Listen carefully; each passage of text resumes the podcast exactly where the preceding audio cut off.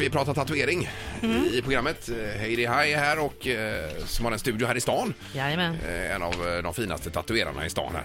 Jajamän. Eh, Snyggt. Och var ligger din studio någonstans? Det ligger på Östra Hamngatan där i Dublinerhuset där. Yes. Hur är det? Man har ju hört eller läst ibland eh, rapporter om att det skulle vara farligt att tatuera sig, att viss färg är farlig.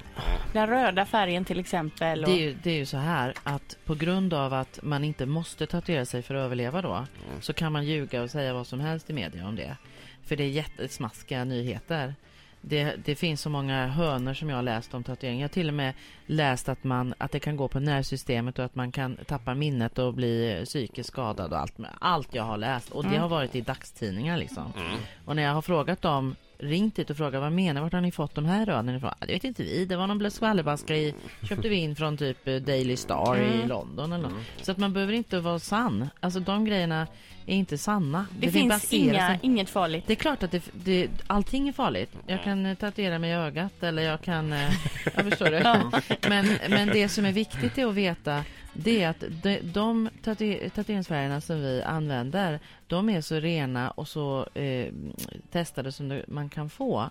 Sen är det naturligtvis så att eh, vi, har ny, vi har en ny, eh, inte lagstiftning, men vi har nya rön idag att jobba efter. Så att idag så kommer vi att kunna hand, tillhandahålla papper för de som blir tatuerade. Som till exempel om du tatuerar så får du med papper där det står den och den färgen innehåller det och det och det har du liksom fått i din hud. Ja, just det. Så, så det är liksom lite, vi utvecklar hela den Ja, ja, grejen är hela tiden. Ja. Du, får jag fråga, har du avrått någon ungdom att tatuera sig när kommit in till dig? Ja, absolut. Ja. Berätta, hur kan det gå till? Det är om man märker att eh, dels att någon inte har tänkt efter. Att eh, man inte har funderat på varför och vad man ska göra det här. Att man är påverkad av att kompisen har det. Eller att man är mm, psykiskt homogen helt enkelt. Och då, då försöker jag att bearbeta den personen så mycket som det går och be den att gå- hem och tänka ett varv till. Och komma tillbaka igen Ja. Mm. i så fall.